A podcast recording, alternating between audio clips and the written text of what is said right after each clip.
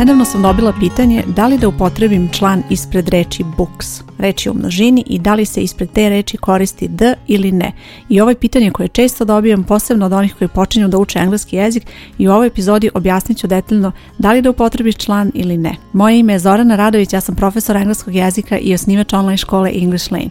Ovo što slušaš je English Lane podcast gdje pričamo o korisnim savjetima i lekcijama za učenje engleskog jezika. Ovo je epizoda broj 114 i u ovoj epizodi pričat ćemo o članovima. Članovi su reči a, e, an, the i to su reči koje ćeš naučiti kada kreneš da učiš engleski jezik. Postoji neodređeni član, to je reč a, e, odnosno an i imamo određeni član, to je the. Prvo pravilo koje ćeš naučiti za članove je da se oni koriste ispred imenica, odnosno reči koje imenuju neke pojmove. To su razne reči koje možeš koristiti da imenuješ pojmove oko sebe kao što je book, door, window, house i tako dalje. To su imenice i ispred tih reći koristiš član. Drugi deo koji je potrebno da razumeš da bi ti ova lekcija bila potpuno jasna je šta je to množina. Množina je kada ima više pojmova. Dakle, ako je jedna knjiga, onda je to jednina, book, a ako ima više knjiga, onda je to množina, books. Sljedeće pravilo koje ćeš naučiti će biti to da ispred reći u jednini možeš upotrebiti neodređeni član, dakle možeš reći a book,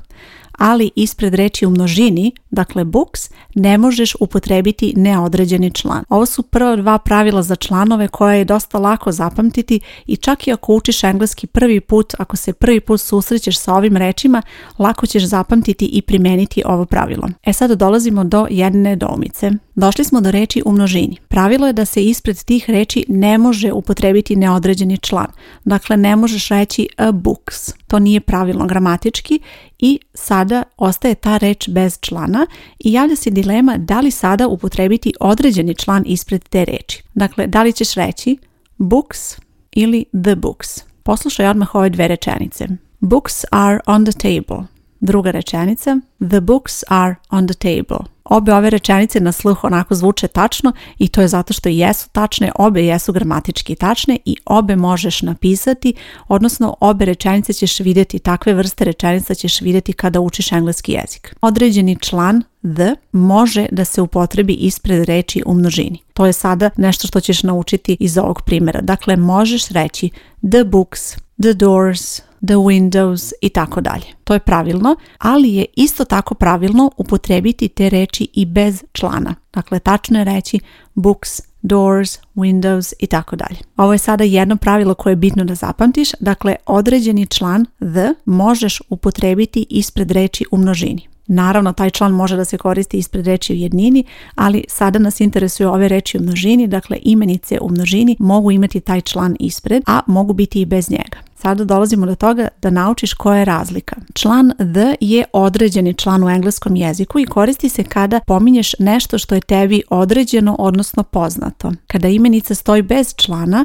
smatra se da je ona neodređena i na taj način ti praviš razliku između toga šta je određeno, a šta neodređeno u engleskom jeziku. Poslušaj sada primjer rečenica uz objašnjenje. Ako kažeš books are on the table, knjige su na stolu. U toj rečenici pojam koji se pominje, books, je pojam koji je neodređen, ne zna se koje su knjige u pitanju, dakle taj pojam nije poznat sagovorniku i na taj način ti pokazuješ da je pojam neodređen. Kada kažeš the books are on the table, te knjige su određene. Dakle, prevod rečenici je potpuno isti. Knjige su na stolu, ali kada neko izgovara ovu drugu rečenicu sa članom D, tada su knjige određene, osoba zna o kojim knjigama priča, sagovornik zna koje su to knjige, verovatno postoji neka konverzacija pre toga, nešto što na neki način određuje te knjige i zato je upotrebljen član. Znam da je u početku teško razumeti taj koncept određenog i neodređenog, posebno ako u tvom maternim jeziku nema takvog koncepta i ne razumeš šta to tačno znači, a pre svega ne razumeš zašto se pravi takva razlika,